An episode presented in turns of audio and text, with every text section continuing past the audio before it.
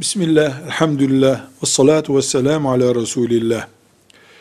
Beş örnek kız ismi zikredecek olursak, Meryem güzel isimlerden birincisidir.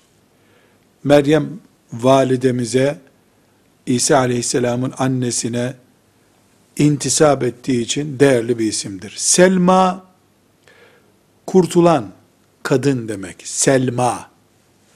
Nure, nurlu bir kadın demek.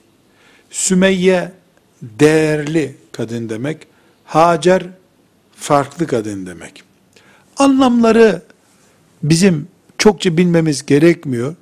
Özellikle Meryem ve Hacer sahiplerinden dolayı yani o isimlerin ilk sahiplerinden dolayı bizim için çok değerli. Meryem, Selma, Nure, Sümeyye, Hacer hoş isimler arasında zikredeceğimiz isimlerdendir.